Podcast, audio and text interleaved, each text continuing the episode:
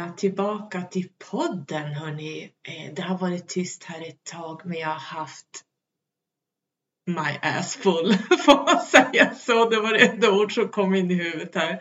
I'm sorry! Men jag har haft väldigt mycket, om vi säger då häcken full eh, sista tiden så att ni anar inte. Jag jobbar, ja, det enda gången jag inte jobbar det är väl när jag sover, men då jobbar jag ju på andra dimensioner så att jag är aldrig ledig och som jag sa till en vän, eh, jag är en stenbock and I love it. Jag brukar också säga I love what I do and I do what I love. Jag vet att ni väntar på Merkurius och ni väntar på tvillingen som jag ska prata om astrologiskt. Eh, vi har idag måndag den 13 juni och solen står ju just nu i tvillingen. Det kanske ni har märkt och ni som har köpt mina månadsguide pdf-filer vet vad, som, vad det innebär. Plus den här månaden, tre månaden vi har. Um, och imorgon så har vi en mega bauta måne.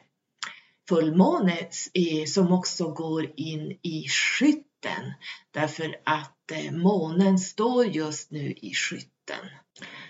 Tänk att det har gått sex månader sedan vi hade nya året. Tänk vad mycket som har hänt sedan dess. Tänk vad du har transformerats sedan dess. Det här första halva delen av det här sexåret. Ehm, det är helt otroligt. Det är mycket som har hänt eh, med mig också. Det är mycket som kommer in grejen är den att jag känner att 24 timmar är för lite för mig per dygn. Jag skulle behöva ha 48 timmar. Då skulle jag nog börja hamna i den kapacitet jag är just nu. Det är sånt flöde, det är sånt driv att ni anar inte. Alltså jag, jag, har inte tid att, jag har egentligen inte tid att sitta och podda, jag har inte tid att jobba. Jag har ju två jobb som ni vet. Egentligen har jag tre jobb. Jag har ett heltidsjobb och det med min sjukdom. Jag har insulinbehandlad diabetes som kräver min uppmärksamhet dygnet runt. Den ställer till det för mig ganska hela tiden. Ehm, jag är uppe på nätter. Eh, innan jag ska till jobbet så måste jag, eh, då kan jag ligga för lågt eller så ligger jag för högt. Det måste ställas in, det måste kollas mat. Jag måste planera hela livet, även under eh, arbetstid måste jag hela tiden tiden kolla mitt blodsocker och äta och spruta insulin dygnet runt. Så det är ett heltidsjobb. Jag har faktiskt börjat få lite eh, komplikationer. Eh, jag, har, eh, jag känner inte fötterna riktigt ordentligt. Det är därför jag ramlar ganska mycket. Eh, jag har domningar under fötterna. Jag har eh, lite komplikationer i kroppen som då blir av diabetes som man haft över plus 30 år. Jag fick min diabetes som en blixt från en klar himmel eh, när jag var 21 år efter en halsinfektion. Så kan det bli, så jag varit en typ 1 då. Och typ 1 är ju insulinbehandlad och typ 2 är egentligen inte det är en helt annan sjukdom. Många tror att typ 2 är ja, det, man brukar säga åldersdiabetes, det är det ju för sig. Men typ 2 har en, eh, det, är egentligen, det går inte att jämföra de två för att det är helt olika sjukdomar med olika förlopp och olika saker som händer runt omkring bukspottkörteln, pankreas. Men nu handlade vi, nu ska vi inte prata om det. Så att jag har det heltidsjobbet. Så egentligen om jag ska vara riktigt, riktigt ärlig så en diabetiker då som eh, får ett ganska förkortat liv Eh, för att kunna få ett, förläng- ett liv som är va- ett vanligt liv för en vanlig frisk människa så skulle det betyda att en insulinbehandlad diabetiker skulle bara behöva jobba med sin sjukdom, vad det innebär. För det är ett heltidsjobb och det, den vilar aldrig den är med på resor, den är med ut på krogen, den är med ute i skogen. Eh, det kan hända saker ute i skogen att du får ett jätteblodsockerfall och är det ingen så, har man ingenting med sig att trycka i sig där ja, då hamnar du i ett koma och så dör du om ingen hittar dig och det är ju inte så stor eh, eh, risk att någon är i skogen och hittar dig. Ja, men var du än är, vad du än gör, vem du än träffar, Sover du på natten så har du det här med dig. Den här sjukdomen vilar aldrig, så det ska man ha klart för sig att det är en heltidssjukdom. Sen har jag mitt andra jobb på akutmottagningen där jag har jobbat nu i ÖIS. Jag håller på att tänka 23 år tror jag vi hamnar i nu. Innan dess har jag varit på intensiven i, på Karolinska sjukhuset, universitetssjukhuset på KS centralintensiven där, där jag gjorde min eh, Ja, det här var ju när jag klev in där så som vad var jag 20, 19-20 år var jag någonting när jag flyttade ner. Eh, så kände jag att jag kliver ut härifrån. Det är en sån avancerad teknologi och nu pratar vi 80, slutet på 80-talet. Alltså ni förstår hur det ser ut idag på IVA. Eh, och sen har jag då mitt företag på sidan om. Så jag har egentligen tre jobb. Och mitt företagande jobbar jag inte 100, där jobbar jag nog 500 procent. Det är all ledig tid. Det är, ja man kan säga all tid jag är vaken.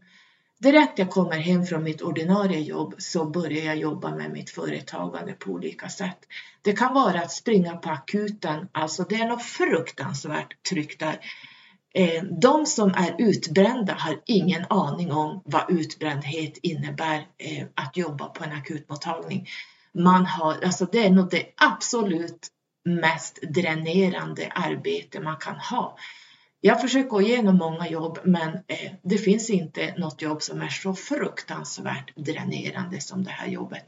Det finns ingen personal, det är neddraget nu, jag tror det fattas över 250 pass om jag inte minns fel över sommaren. Eh, det finns ingen personal, det bara strömmar in mer och mer patienter. Vårdavdelningarna drar in platser så att de blir kvar på akuten. Det är liv och död, det är Ah, det är psykologiskt, det är mentalt, det är allt från A till Ö du överhuvudtaget kan tänka dig. Det är administrativt, det är så mycket administrativt att det, alltså allting ska bokföras, allting ska skrivas ner, allting ska dokumenteras. Man ska ha koll på akutliggaren, man ska svara på alla larm, det larmar hela tiden. Så det tjuter och skriker i öronen från alla larm som kommer in och det är många ska jag säga.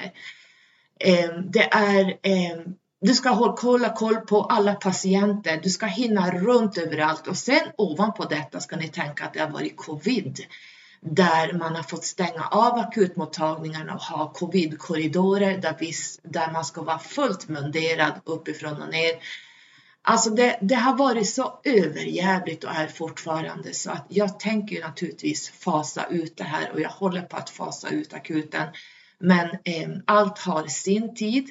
Så jag bygger upp mitt företag långsamt.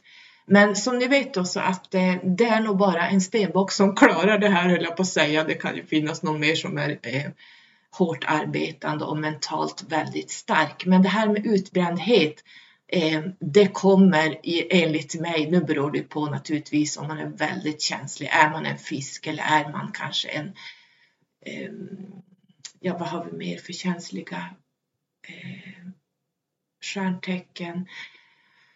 Kräftan är ju ganska känslig. Eh, man kanske har med sig mycket i bagaget att man är väldigt känslig. En sån person skulle inte klara av nu är det inget skryttal utan det här är fakta. En sån person skulle aldrig klara av eh, det här jobbet och ha så här mycket eh, ansvar på sina axlar. Så det är eh, väldigt, väldigt, väldigt tufft att ha tre jobb. Men det står i mitt själskontrakt att jag ska ha det här. Eh, alla sjukdomar vi drar på oss har vi redan valt innan. Så tuff och hård som jag är, som ni vet en stenbock är, eh, så det här med när jag hör att människor är utbrända och så hör man när de berättar varför de har blivit utbrända då blir jag så här, men hello. Alltså, då förstår man nästan att hur stark jag egentligen är innan jag når en utbrändhet. Ni förstår, alltså jag tror inte ni förstår kapaciteten innan jag hamnar i en utbrändhet. Ehm, det, det, är så, det är så hög nivå för mig. Det är högsta, högsta nivå. Och den högsta nivån är, tror jag det är svårt att komma upp till. Så därför har jag, har jag verkligen fått träna på det har varit ett ganska jobbigt mission att jag har fått träna på att sänka ner mig. Nej men lägre, gå lägre, gå lägre. Där jag hittar människor som är utbrända för minsta lilla. De tål ingenting och där har jag fått stanna i några år att förstå att de har inte min kapacitet. Och det här har varit jättejobbigt för mig att ta in det här att eh, folk blir utbrända för att det är lite tjafs på jobbet eller att man inte trivs på jobbet. Man blir utbränd för att man inte trivs på jobbet.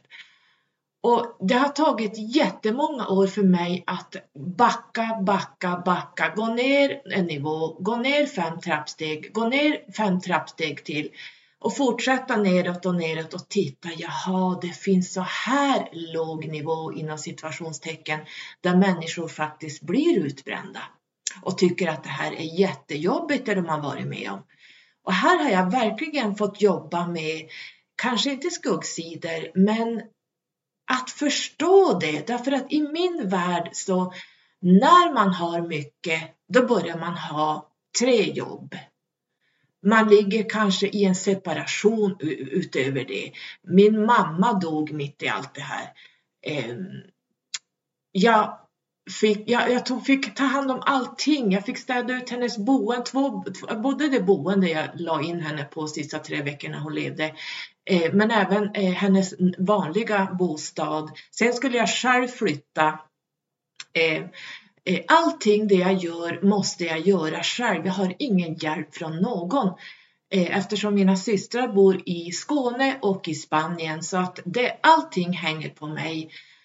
Så det här har varit eh, en utmaning att se jämför, alltså jag måste plocka bort min kapacitet och förstå att shit, det, för en del behövs det ingenting och det är absolut inget fel i det. Men för mig har det varit en utmaning att förstå att, att förstå att människor klarar inte så mycket som det jag gör.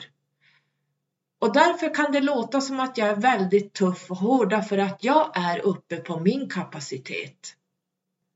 Och tror att andra är likadana. Jag vet inte om ni förstår hur jag menar. Och jag tror man måste vara en stenbock, man måste vara en master 33, man måste ha två sexer i sitt självkontrakt, man måste ha eh, lejonascendenten, alltså eh, och eh, vågen i månen som jag har. Jag har ju kapaciteten, det är därför jag klarar av tre, fyra jobb och kanske några till innan jag hamnar i en utbrändhet. Därför att då måste jag ha Ja, men det, jag vet vänner som går igenom, de, de går igenom separationer. De har egna företag som de driver dygnet runt. De jobbar 14 timmar om dagen, de ligger i separation, de köper ett nytt hus, eh, det, det är liksom barnen. Allt det här bekommer de inte. Så att jag drar till mig sådana människor som också är ganska kapacitetshöga. Och därför blir man lite fartblind. Där kom ordet. Man blir lite fartblind därför att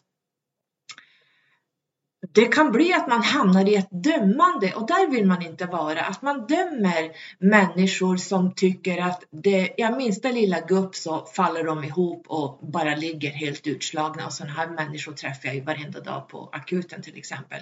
Det behövs bara ett litet gupp så är man helt, ja, utbränd. Man är deprimerad, allt vad det nu kallas idag för ingenting som jag ser det. Så det här har varit någonting jag har jobbat med. Jag har jobbat med det här, ni anar inte vad jag har jobbat med det här. Att gå ner trappstegen, backa ner, backa ner, backa ner. Jag har fått backa ner ungefär 30 år. Där börjar jag se, jaha, så här känslig kan människor vara. Så det har varit, nu ska vi inte prata, nu hamnar jag här, men jag, jag tror det var här någonting som, som jag var tvungen att säga.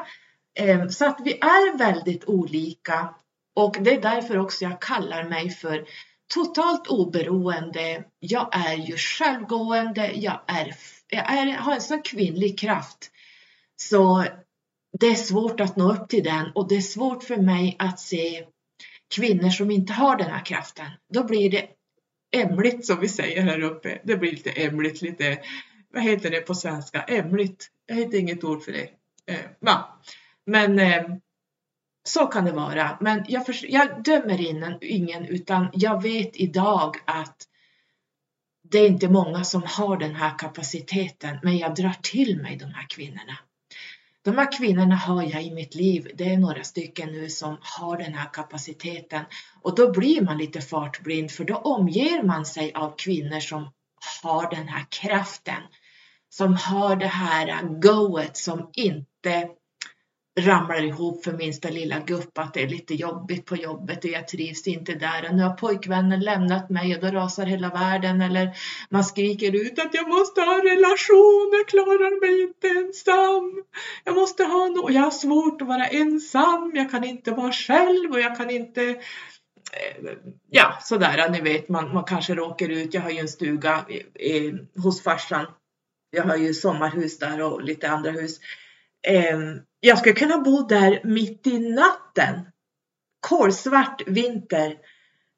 Ja, ni förstår, jag skulle ju må som fisken i vattnet. Jag är ju inte rädd för fem öre. Så att det, det har verkligen varit min resa de sista åren att förstå det här att eller förstå det, jag kan acceptera det. Jag, jag, det är ju det, när man börjar läsa numerologi och astrologi så ser man hur den här känsligheten kommer in och att alla har inte den här kapaciteten. Om jag säger så, att det har varit svårt för mig för att i min värld har, har alla människor Alltså är man inte så då, ja, jag vet inte hur jag ska säga det, men det har varit ett dömande helt enkelt att jag förstår inte hur man kan bli utbränd och utmattad och deprimerad av sådana här smågupp.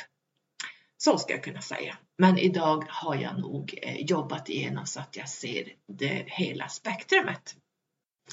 Och det var väl runt 2018 som jag började förstå min riktiga kapacitet. Det var då den kom fram. Som stenbock vet ni att man blir utsatt av Saturnus eh, patrull hela tiden, eller lärdomar skulle man kunna säga.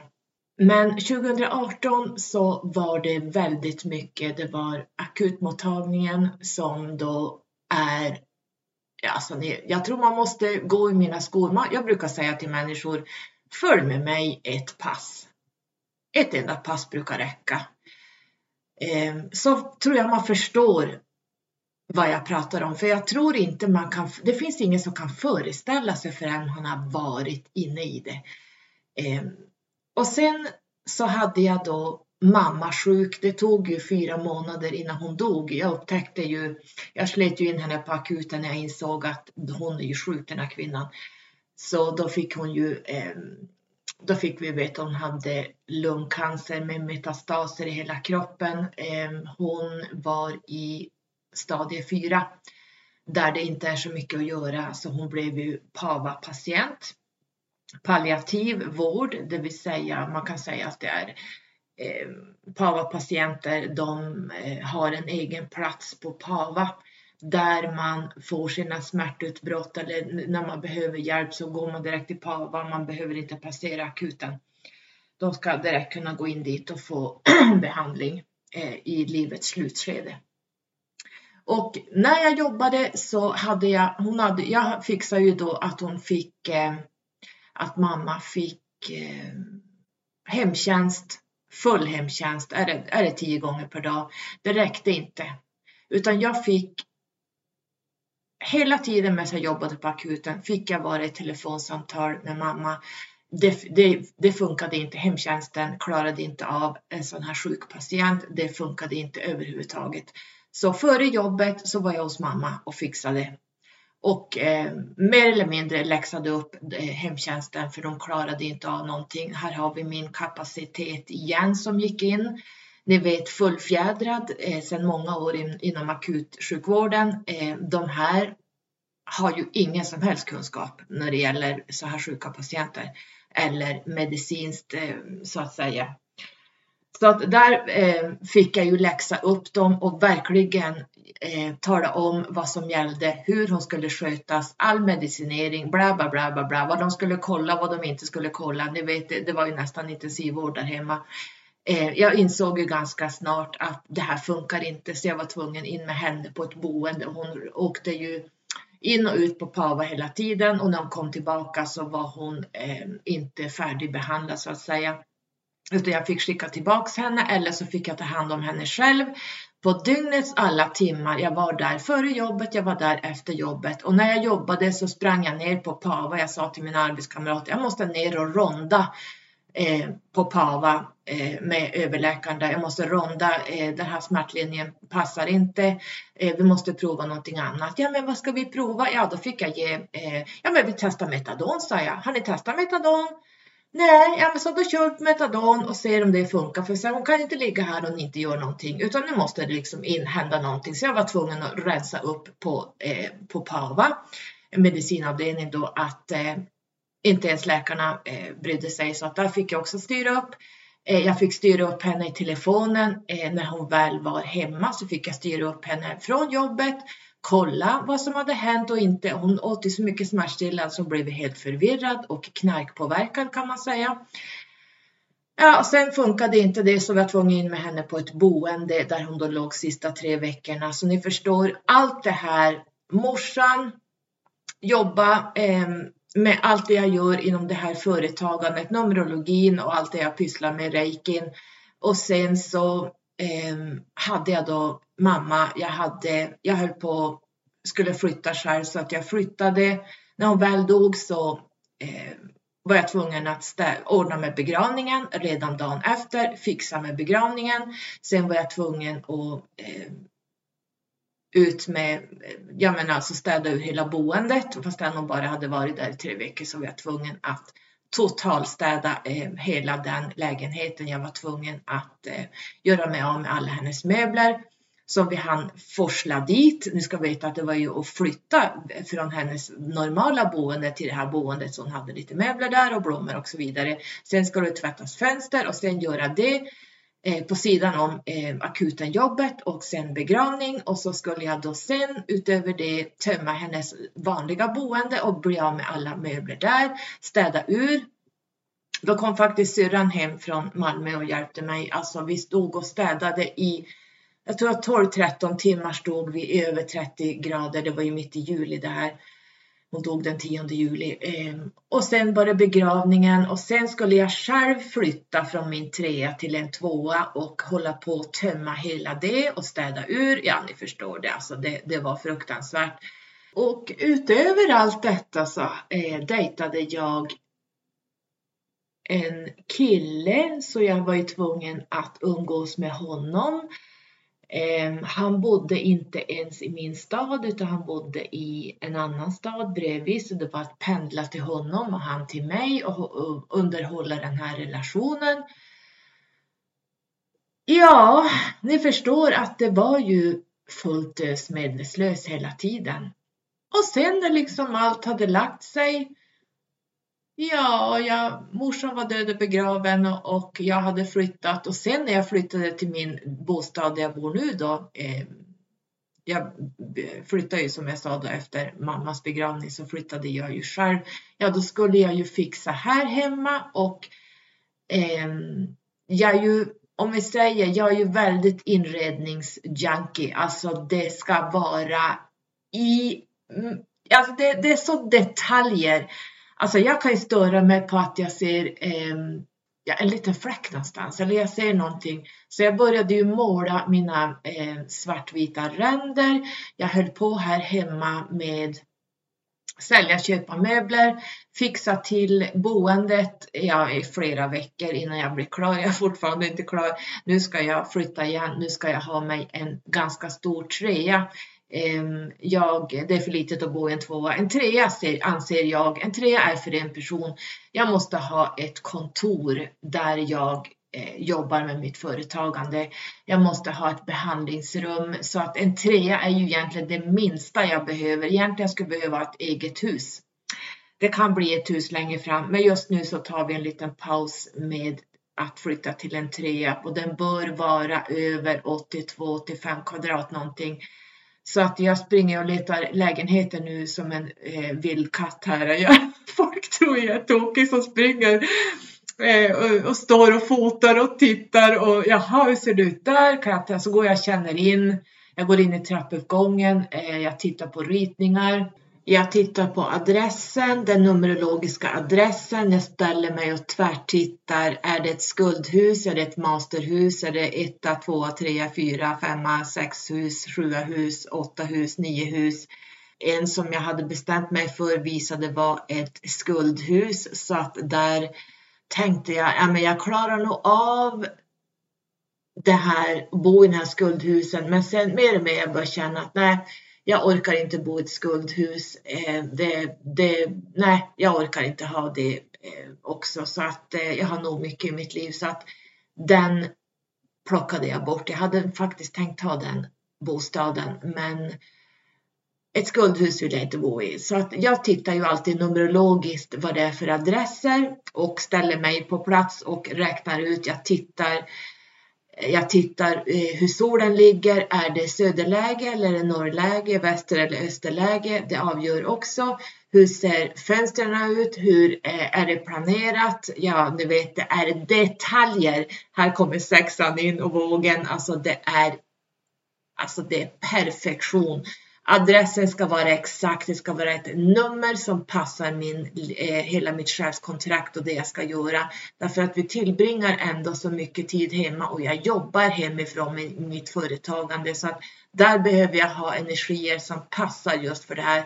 Så att ni vet, det är inte bara eh, bosätta sig i första bästa hus utan det numerologiska bostaden, adressen och nummer på husen gör ja, alltså ni, ni, jag kanske ska prata om det här någon gång.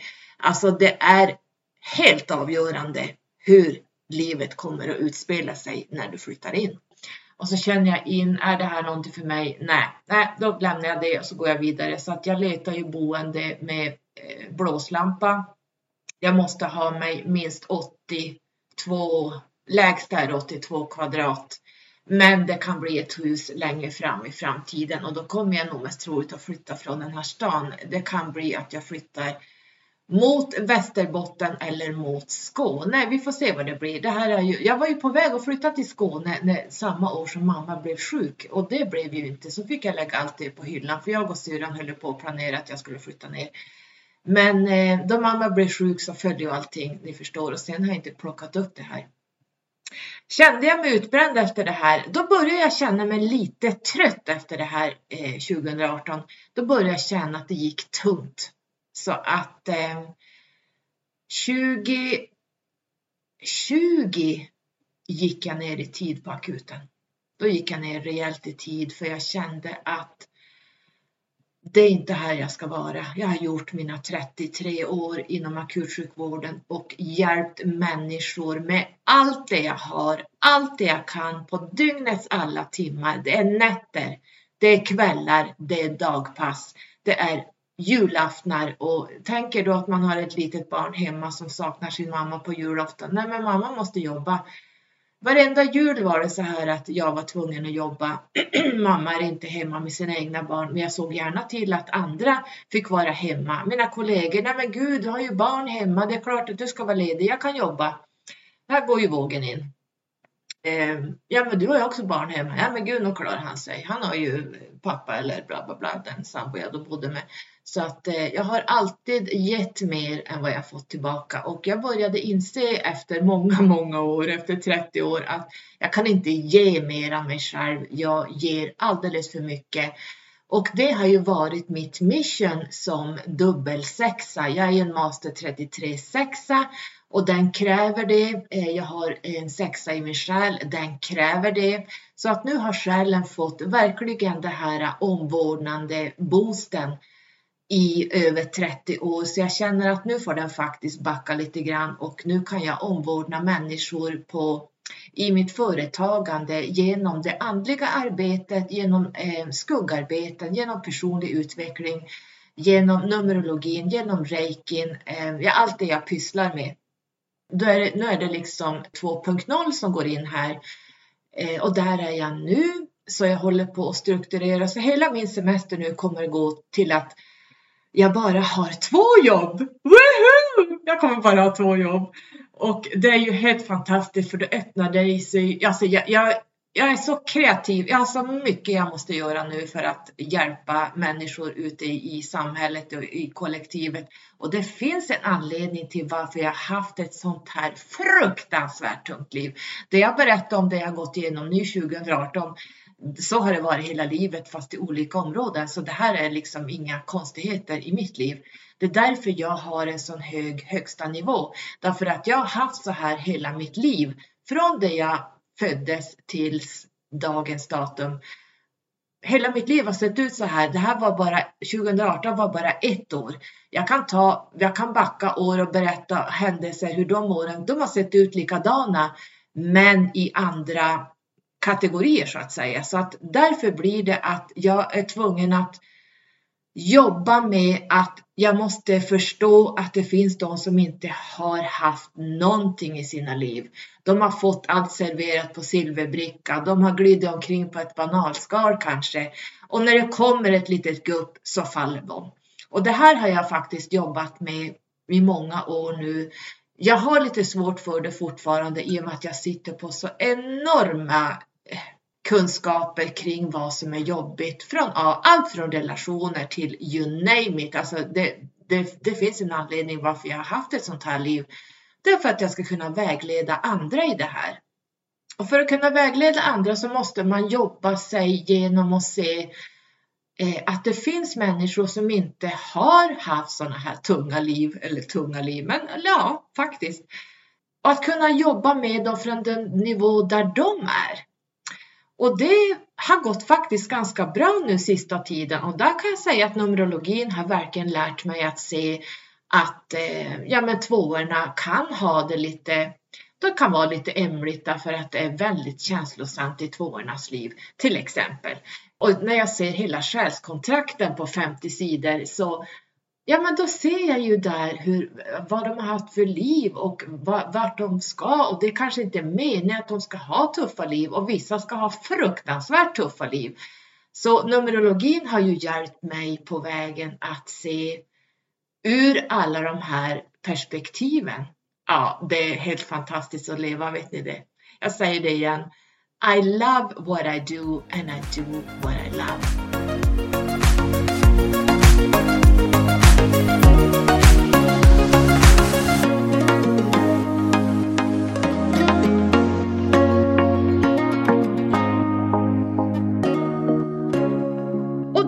Började jag tänka, men förstår du Carola vilken kapacitet du har? Och jag vart inte utbränd och det som hände då var att jag fick mer och mer ett uppvaknande till, ja men allt det jag sysslar med idag. Eh, så där fick jag verkligen se min kapacitet och även när jag liksom, jag har ju varit i en relation med en narcissist som var kvinnomisshandlare, kvinno och barnmisshandlare och hela den resan, jag tror jag pratade om det här i någon podd, eller en podd, jag har ju bara en podd, i någon, något avsnitt menar jag naturligtvis. Podden är ju podcasten och jag pratade om det i ett avsnitt, förlåt mig. I, jag tror episod 1 tror jag jag pratade om det här tiden eh, jag har ett svagt minne av det. Men eh, så jag har ju den här kapaciteten. Så därför ger universum mig saker som jag kommer att klara av. Och det är ju så här. Vi har ju snart semester. Jag har ett pass kvar, sen går jag på semester. Ni ska inte tro att jag är en sån person som kan sätta mig eh, i en hammock och bara ligga och läsa en bok. Det funkar inte för en stenbock. Det går inte. Jag måste ju ha någonting att göra hela tiden därför att jag har ett sånt driv. Jag har en sån passion i det jag gör att ja, alltså det går inte. Så den gången jag egentligen vilar, det är när jag sitter och ger distansreiki. då får jag reiki på köpet och det är då jag får den här återhämtningen. Ehm, så det är egentligen enda gången jag sitter still i en timme och gör ingenting. Jag gör ju, men jag gör inte. Jag går in i trans. Jag, helt plötsligt, jag måste ställa klockan för bara oj då, har det gått en timme? Jag vet en kvinna gav jag en timme, 22 minuter. Så det behövdes nog. Eller på den kvinnan behövde jag ge så länge. Men eh, när jag ger reiki, det är egentligen den enda återhämtningen jag får och de få timmar jag får på nätterna, för att jag är uppe på nätterna också. Så att när jag börjar sju då ringer klockan halv sex och då kan jag ha varit uppe tre gånger den natten och hållit på och eh, styra upp blodsockret för jag vaknar ju när det är för lågt. Kroppen väcker ju mig. Och jag har sagt till eh, universum också att, eh, eh, att jag ska bli väckt. Så att jag väcks, att jag är sjöblöt i svett. Jag måste byta lakan. Jag kan ligga på 1,9 blodsocker. Ni vet, alltså jag, det finns ingen hemma i huvudet utan det är som att kroppen bara vet in i kylskåpet, fram med mjölk och kakor och bara trycka i sig. Och sen på morgonen får jag en rekyl och då ligger jag kanske på 22 och då innan jobbet så måste jag eh, styra upp det här blodsockret. Då måste jag räkna ut. Nu ska jag gå 20 minuter till jobbet. Hur mycket kommer det att sjunka där? Hur mycket ska jag spruta? Eh, det är hela tiden att planera nätter och dagar så att jag sover egentligen inte en hel natt eh, och inte har gjort på 30 år utan det är det är få nätter jag sover en hel natt utan jag är uppe och sprutar insulin eller äter. Ehm, så att ehm, så är det att leva med diabetes. Det här hade inte jag tänkt prata om, men nu blev det. det jag trodde det här skulle ut. Så där har vi sagt det och då tror jag vi går vidare till nästa grej jag hade tänkt prata om.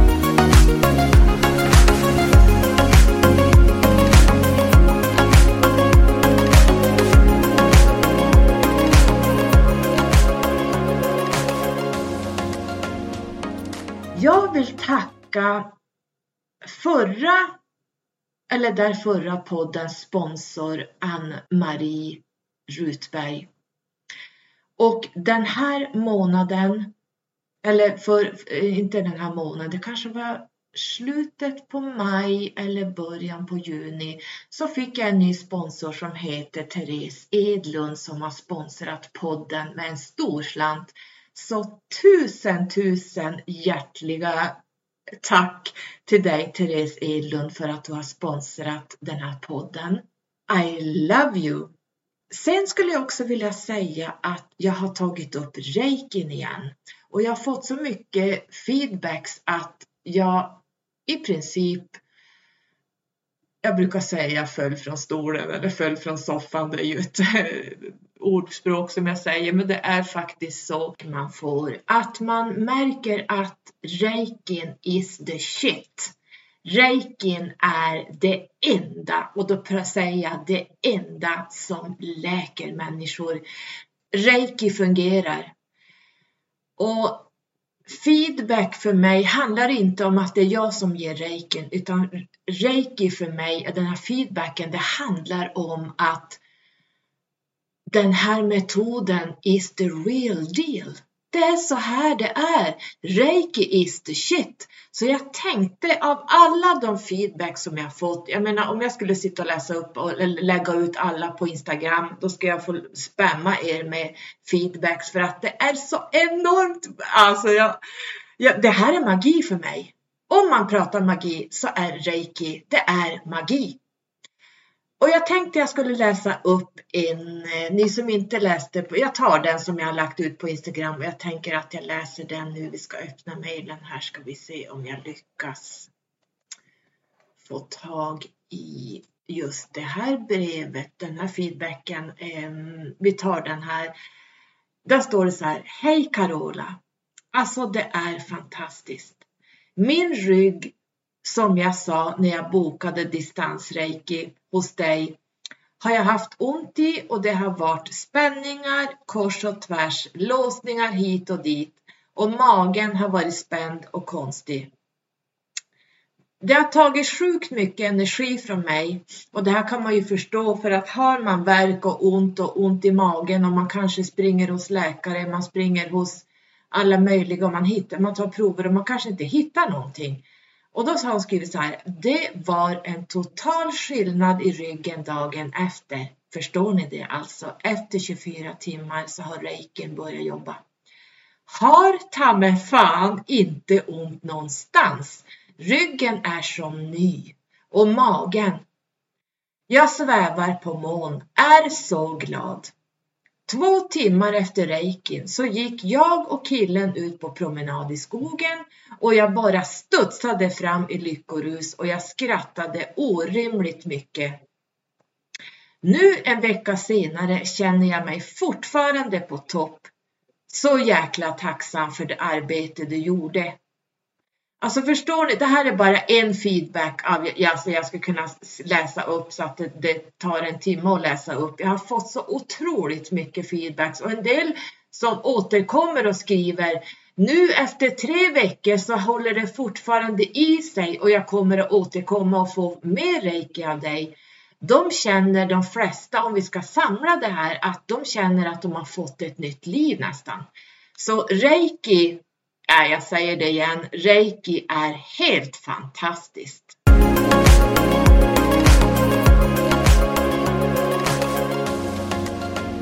Och det bästa är ju att när man ger distansreiki så kan jag sitta själv. Jag har ingen fysisk person framför mig utan då går jag helt in i den här personen och adresseringen är ju absolut det viktigaste vi pysslar med. För var går annars reikin? Var går energin? Ja, ut i periferin. Det kan ju i och för sig vara trevligt om någon annan snappar upp den, men det är ju meningen att man måste rikta energin till rätt person på rätt tid på rätt plats. Det är det distansreiki handlar om. Eh, så att det är jätteviktigt att man adresserar. Och ehm, jag har fått frågan om om jag vill ge en reiki på distans till flera personer och jag pratar lite grann med mina tjejer och vi har pratat lite grann hur många kan man egentligen ta in i en stor reiki-behandling? Det vet, vi, hade, vi ska ju göra, vi ska ju skicka distansreiki till våra följare på Quadrivium Vars som vi nu har pausat därför att vi har alldeles för mycket eh, i våra liv så att den ligger lite på, ni kanske har märkt att det händer inte så mycket där.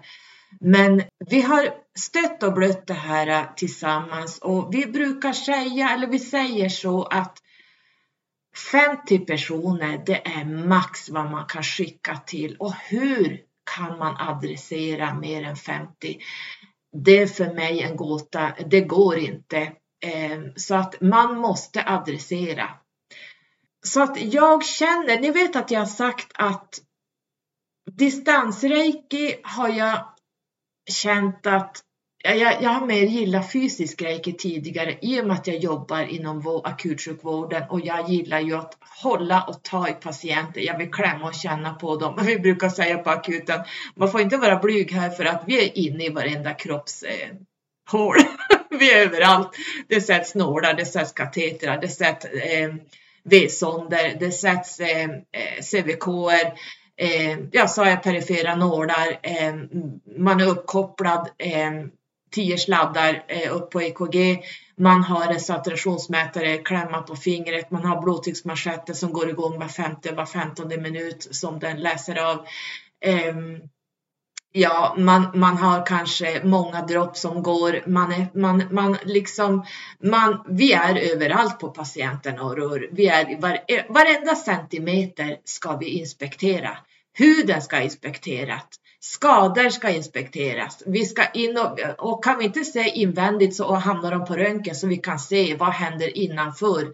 Finns det blödningar? Finns det proppar? Finns det skelettskador? Alltså det, vi är överallt och tittar. Vi lämnar ingenting åt ödet så att säga.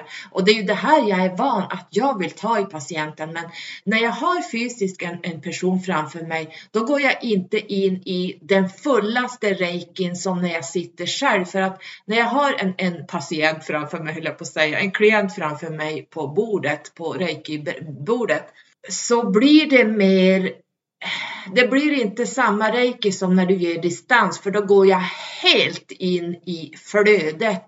För då störs jag inte av att, att det ligger en person där. Så eh, jag måste ändra mig lite grann att distansreiken är betydligt starkare. Eh, Därför att då kan jag bara koncentrera mig på att skicka och jag känner direkt var det finns blockeringar. Jag känner det nästan bättre på distans och jag känner, ah, det, det, ni kan det här, ni som är reikisar, men eh, så, så är det att, eh, och just det här med distans, det är jätteviktigt att man adresserar så att det är många som har frågat mig varför vill du veta var jag bor och varför vill du veta? Ja, men så är det därför att jag måste veta var jag, var jag ska skicka reiki någonstans. Eh, annars, var, var hamnar det någonstans? Därför att reiki fungerar så här, det här är en metod som är väl utarbetad, eh, så då jobbar man efter det och allt annat det är bullshit skulle jag vilja säga. Börjar man ha fler än 50, ja då, då är det ohanterbart, då är det inte reiki man pysslar med, då är det någonting helt annat. Så det ska man vara väldigt medveten om och jag tror inte att eh, du får den reiki du ska ha. Däremot kan man själv visualisera saker. Man kan visualisera att man får, man, man, kan ta ner en egen energi, att man får den därför att man, man visualiserar att man får en, en energi och man kan börja se saker. Jag har själv varit med i, för många år sedan var jag med i sådana här gruppreiki sessioner där man skickade till flera hundra och ni vet, det går inte att jämföra, det är ju ingenting. Det finns ingen kraft i det här. Däremot så upptäckte jag att jag själv plockade ner min egen energi och började se saker. Och det är klart, man har ju lätt att gå in i andra dimensioner när man försätter sig i det tillståndet, att man slappnar av och går in i någonting annat. Eh, och där kan man ju, eh, man kan visualisera, om jag säger så här att eh, nu ska ni få unicorn healing. Det finns en unicorn som ser ut så, eller det finns en, en entitet som ser ut så, så eller så som kommer att ge den. Entitetshealing är inte någonting att rekommendera därför att vet man inte vad det är för entitet man, man har att göra med så blir det inte bra. Men alla människor kan visualisera, om jag säger att nu är det en unicorn som kommer här, då kan alla visualisera den här unicornen eller entitet, ja men vi kan säga att eh, en egyptisk eh, farao eh, vad har vi för Isis eller vi kan ta Nefertiti eller eh, vad heter de här eh, som var på Egypten-tiden. Ehm, den här gudinnan, vad hette hon då? Nej, nu kommer jag inte ihåg vad hon hette, men det fanns det någon egyptisk Kleopatra, var det så hon hette? Ah, jag kommer inte ihåg. Men man kan alltid visualisera de här, men det blir inte på riktigt. Och reiki handlar inte om att eh, han, reiki handlar inte om entiteter. Reiki handlar inte om eh, att ta in Sirians till exempel, eller ta in en plejad eller någonting. Det är inte reiki. Det är tillägg. Så eh, man ska vara väldigt påläst vad reiki är för någonting och vad som är accepterat och inte hur många skick man gör. Så jag har fått en förfrågan och jag pratar, eller vi inom Quadrivium Vars har pratat om hur många vi skulle då skicka till. Och vi har sagt i och med att vi är tre stycken så kan vi max då ta 50 stycken. Det är max, det är nästan mycket, men vi kan adressera några var och köra den vägen. Eh, så det skulle jag vilja ha sagt också. Att man försöker visualisera du kanske blir programmerad att du ska visualisera en egyptisk gudinna eller egyptisk eh, faraon eller vad de nu kallades på den tiden. Det ska vi veta att Egypten var fjärde dimensionen. Det är inte någon hög energi här. Egypten, eh, där pratar vi lite grann Anunnaki energier.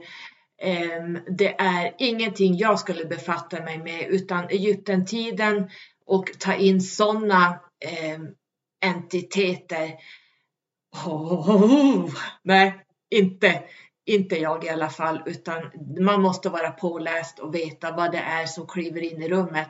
Då måste man gå ut galaktiskt och Syrians har ju, de har ju en energi som är betydligt starkare än reiki, men det är utanför vårat universum och vårat solsystem och eh, det, det, är så långt ut i galaxen att det, det, det handlar om, om eh, helt andra energier.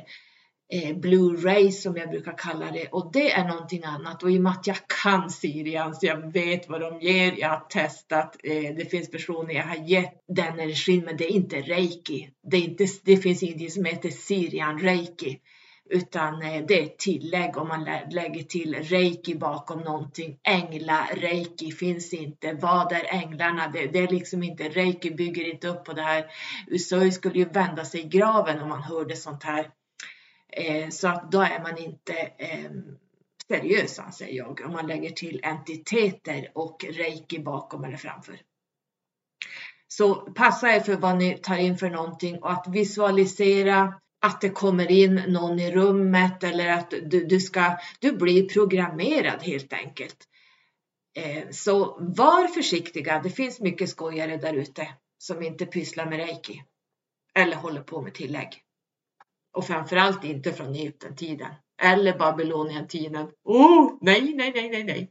Sen kommer jag också att höja priset för distansreikin jag har sett att jag ligger alldeles för lågt när det gäller distansreiki. Jag har fått påtryckningar att jag ligger för lågt, det blir oseriöst.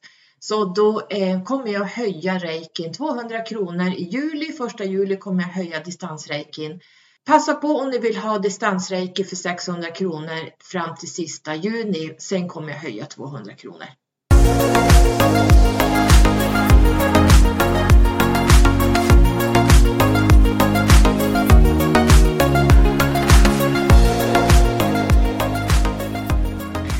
Jag har ju gett ut en pdf-fil på det blev dubbla sidor. Jag försökte göra det som en bok och när jag väl Alltså en juni månadsguide, det här vet ni säkert när jag har sett det på Instagram och i nyhetsbrevet. Men eh, learning by doing, när jag sitter in design, då tror jag att det skrivs ut som det ser ut där.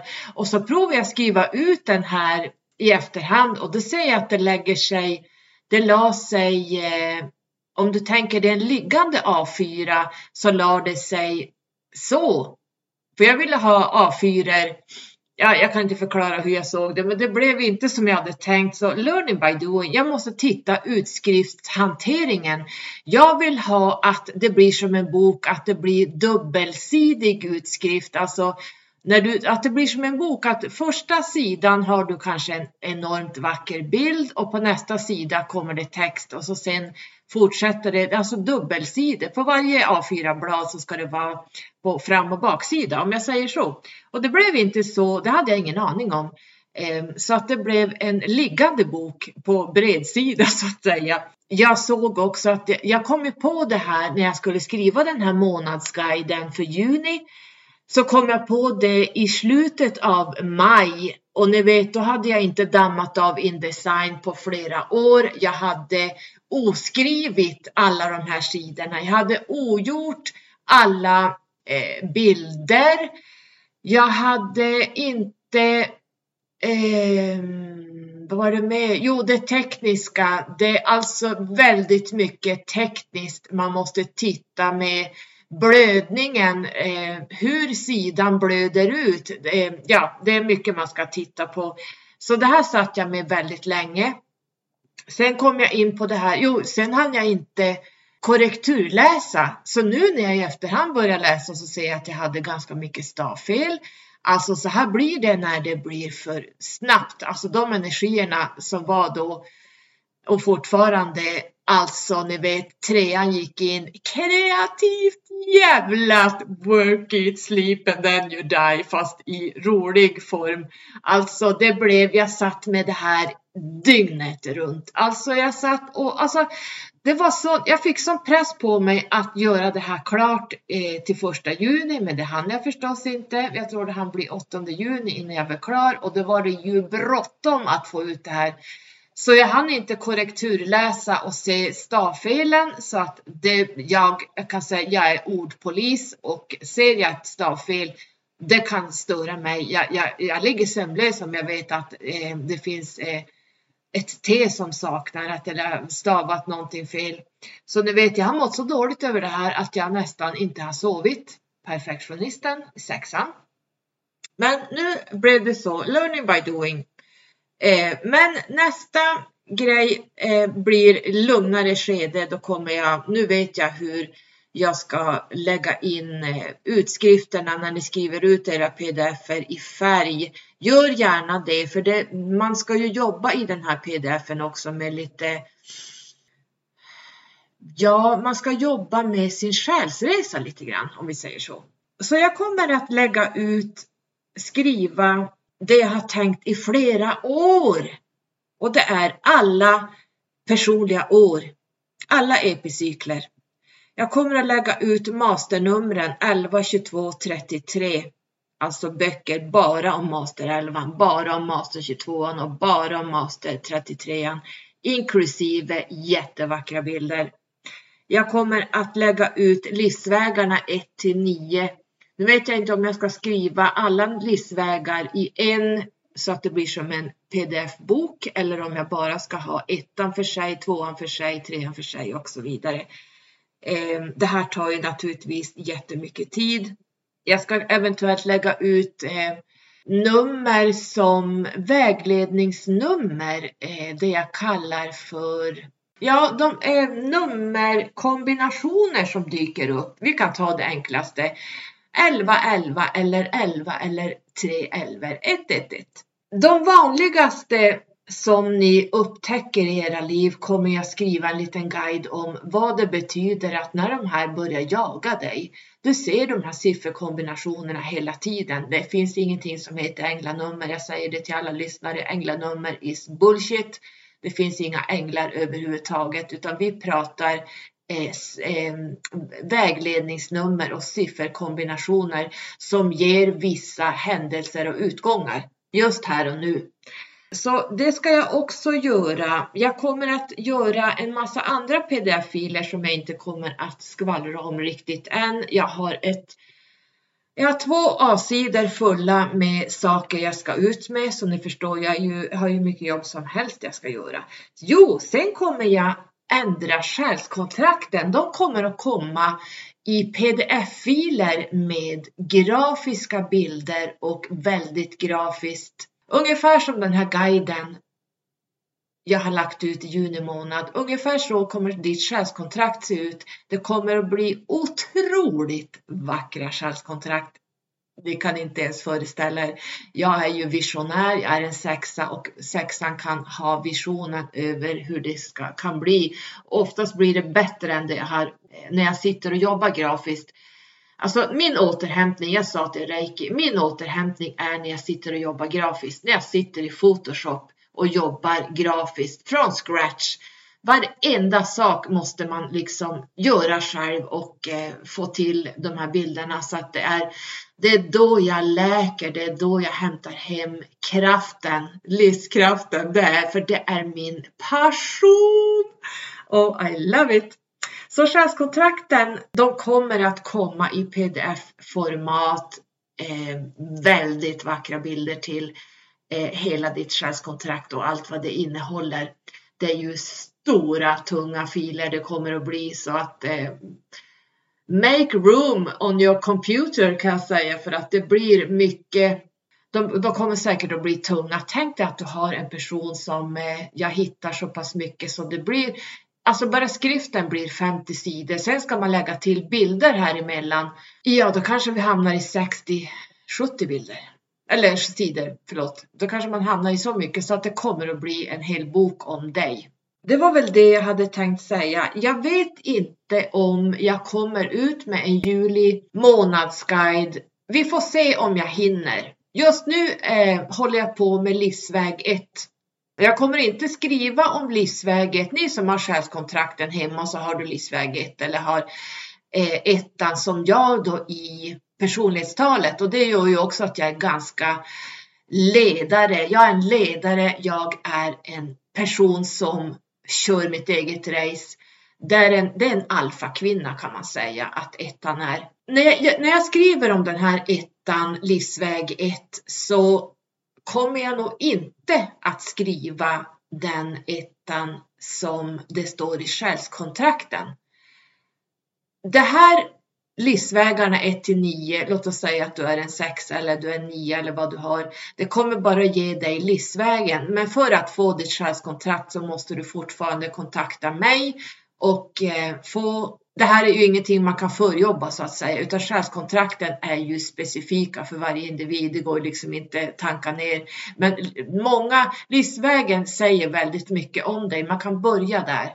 Personliga åren säger ju, alltså det är, som, det, det är en kortsiktig Själskontrakten jobbar långsiktigt, de jobbar hela ditt liv, men de personliga åren jobbar, de kommer du att känna av fruktansvärt starkt. Därför att det är en tillfällig energi som går in och trycker på. Du kan inte gå åt ett annat håll än vad det är meningen just det året. Det går inte kan jag säga. Du kan prova. Jag har många klienter som har sagt att jag har verkligen provat. Jag hade bestämt mig för att jag skulle göra det här och jag hade sett fram emot det. Det gick inte. Det gick absolut inte gå den här vägen. Man hade tänkt nej, därför att du var i fel personligt år. Så att det är jättepotent de här äh, epicyklerna vi är inne i också, så de kan ni ladda ner så småningom. Visst sa jag masternumren också att jag kommer lägga ut dem specifikt och jag kommer nog inte att skriva om dem som jag skriver i själskontrakten utan jag kommer skriva dem lite annorlunda. Kanske lite mer lättläsligt. Det blir inte sådär information. När jag skriver själskontrakten kan det kanske vara väldigt djupt så ibland Eh, får man sitta några månader eh, för att få in allt jag skriver för det är väldigt tung information. Eller tung, men den är tung, inte tung, men alltså det, det är mycket att ta in. Vad tänkte jag mer säga? Jo, WooCommerce. Det har jag ju sagt tidigare, men jag tar det för alla nya lyssnare. WooCommerce är en eh, det är ett plugin som man laddar ner till sin Wordpress. Jag jobbar ju, Wordpress är egentligen bara skalet jag har. Sen har jag köpt in Elementor Pro. Och det är där man gör hemsidorna grafiskt. Jag skulle aldrig bara använda, eh, om jag säger Wordpress eh, som, som det ser ut och i de här blocken. Fy fan så fult, ja, så fula hemsidor vill inte jag ha utan det ska vara eh, Elementor. Och där har jag köpt in Pro. Och sen kommer jag ladda ner ett plugin som heter WooCommerce. Jag har tittat lite grann på WooCommerce eller eh, Shopify. Det finns några till.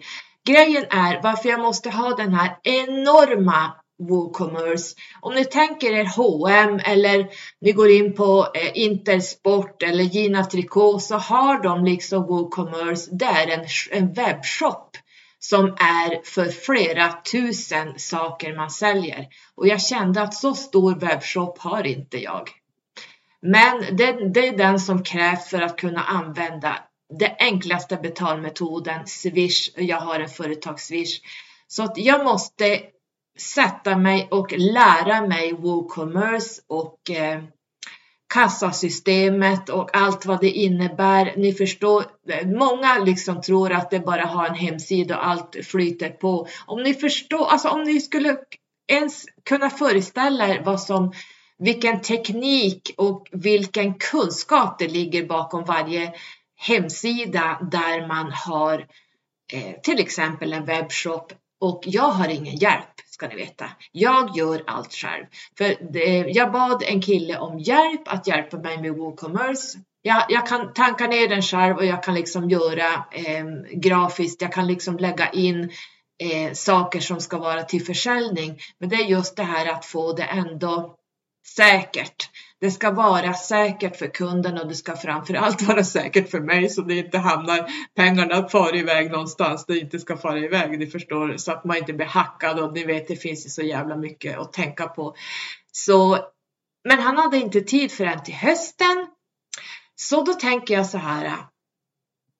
Herregud, jag är en alfakvinna. Vad klarar inte jag av? Så jag, om jag hinner kommer jag börja sitta i WooCommerce själv och prova kanske jag klarar av det här. Herregud, alltså det, jag har väl varit med om värre saker än att fixa sådana här saker. Jag är ju ändå det. Jag, ju, jag har ju tre sjuor också. Jag menar, intellektuellt är det ju eh, högsta power när man har tre sjuor.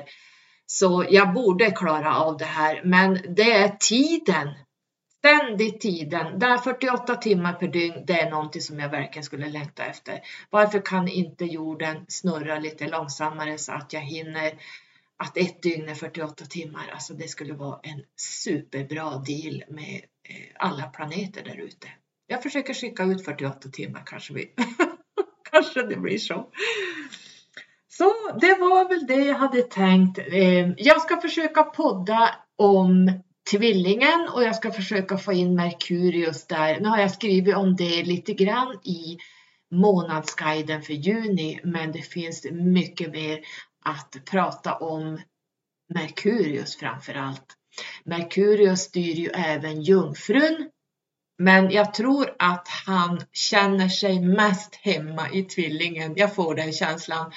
Så att just nu är det väldigt mycket kreativa, pratiga energier, eh, sällskapliga energier. Det är, ja, det är splittrad energi. Trean, vi är ju inne i en tre månad nu så att det, det är ju, trean står nästan likadant för det här, eh, samma som tvillingen, fast trean är lite mera att jobba kreativt och eh, skriva, eh, författa prata, eh, ja, skapa collage, skapa hemsidor, skapa en podd, göra allt det här äh, kreativa, ställa sig och måla om hela lägenheten. Ja, det finns ingen begränsning vad den här kreativa trean pysslar med.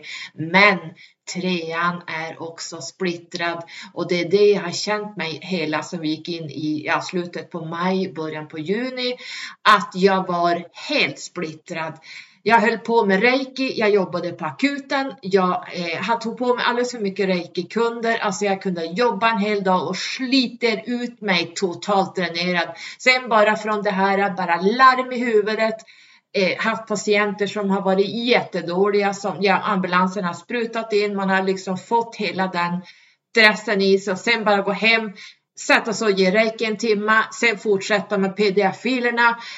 Alltså ni vet, jag har varit överallt och ingenstans eh, och så blir det i en sån här tre energi och i tvillingen så att eh, take it easy. jag säger det till mig själv högt här. Bromsa, dra in bromsen.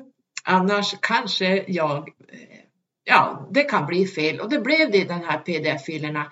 Jag kollade inte av utskrifterna och jag kollade inte av eh, korrekturläsningen att jag hittade stavfel någonstans här och var. Och det är inte okej okay för en perfektionist som jag. Men de blev jättevackra och jag har fått jättemycket feedback från dem. Eh, alla som har tankat ner dem, tack snälla ni.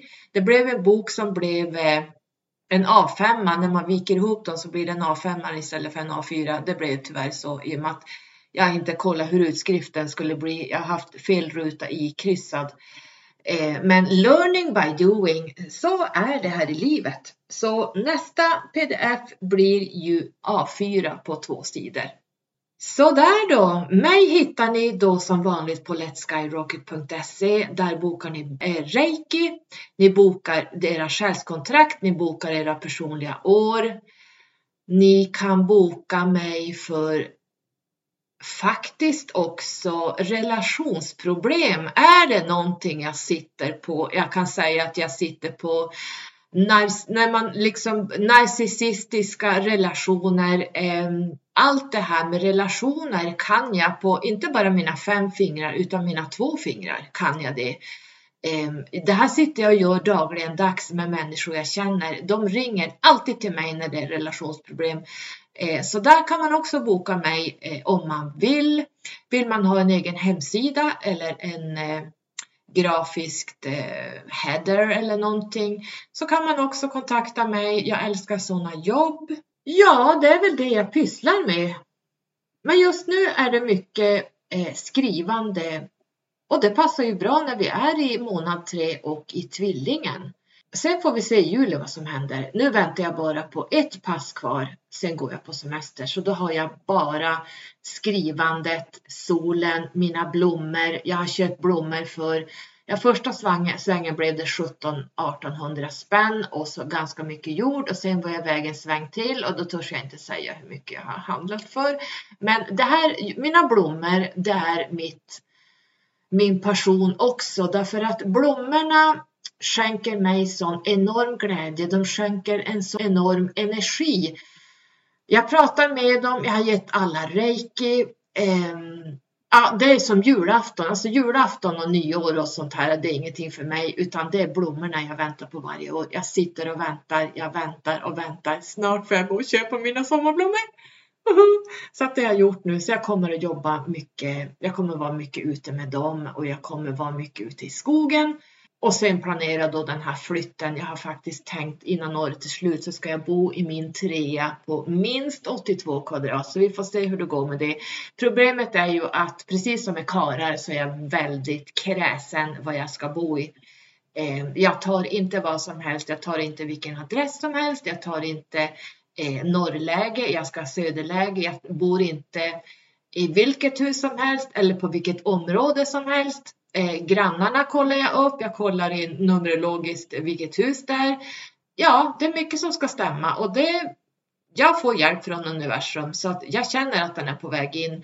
Jag har några på, jag har en på lut nu som jag har varit och tittat på. Vi får se, den ligger kanske lite långt bort ut. Jag måste starta, när jag börjar sju så måste jag starta på morgonen en kvart tidigare det kan ju störa mig. Det är ju nog lite tid på morgonen när man börjar sju. Man måste ju, jag brukar gå halv sju hemifrån och då tar det ungefär 20, 20 minuter innan jag hamnar på jobbet.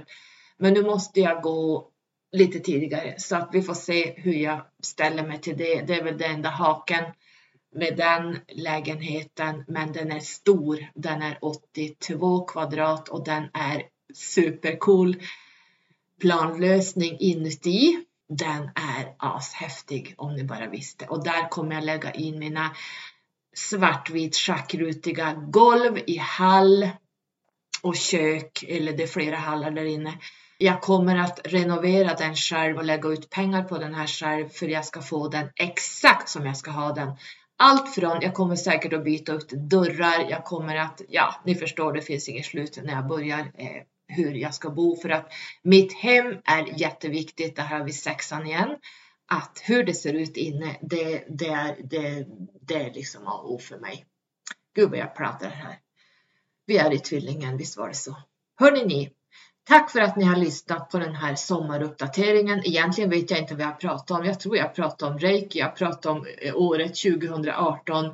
Jag pratar om högsta nivå och det lägsta högsta nivå lite grann. Jag pratar om Eh, att eh, vi har olika liv och att vi måste förstå båda delarna. Vi måste förstå de som har en väldigt låg högsta nivå och vi måste även kunna se de som har högsta högsta nivå. Ni förstår glappet däremellan kan ju vara miltals så att man kan mötas i mitten och förstå varandra.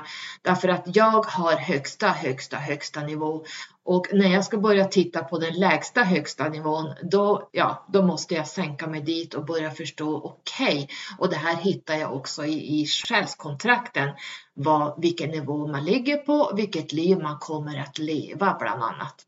Och framför allt det personliga året man går in i, blir det högsta, högsta nivå för en som är på en lägsta, lägsta nivå. Det kan bli utmaningar. Jag pratar lite grann om reiki, distansreikin och att jag kommer att höja priset första juli och eh, entitetsreiki är ingenting vi ska pyssla med och absolut inte ta in entiteter från Egypten-tiden jag känner bara att håret ställer sig när jag tänker på såna här. Oh! Och det är för, framförallt inte reiki heller. Usöj, hur är det på med något Kleopatra reiki? Vad är det för någonting? Så att vi måste skilja på vad som är reiki och vi ska skicka man gör alltid skick till alla ni som har frågat mig eh, varför måste du ha adressen? Jag har till och med lagt upp det på min hemsida på Reiki-sidan att eh, förklarat där att ni måste lämna adressen eh, därför att jag måste veta eh, ditt namn och jag måste veta vilken adress du bor på och vilken stad. Därför att det är du som ska ha min distansreiki och ingen annan. För vi vill, vi vill ju inte att reikin ska hamna ute i periferin. Och man ska alltså kunna skicka reiki då till max 50 personer därför att alla ska, ska adresseras. Adresserar man inte flera hundra, jag har varit med i grupper där man har gett flera hundra stycken, det måste adresseras varje person, annars får inte den personen den här distansreiken. Så är det, punkt och slut. Ha det bra tills vi hörs nästa gång. I love you! Hej då!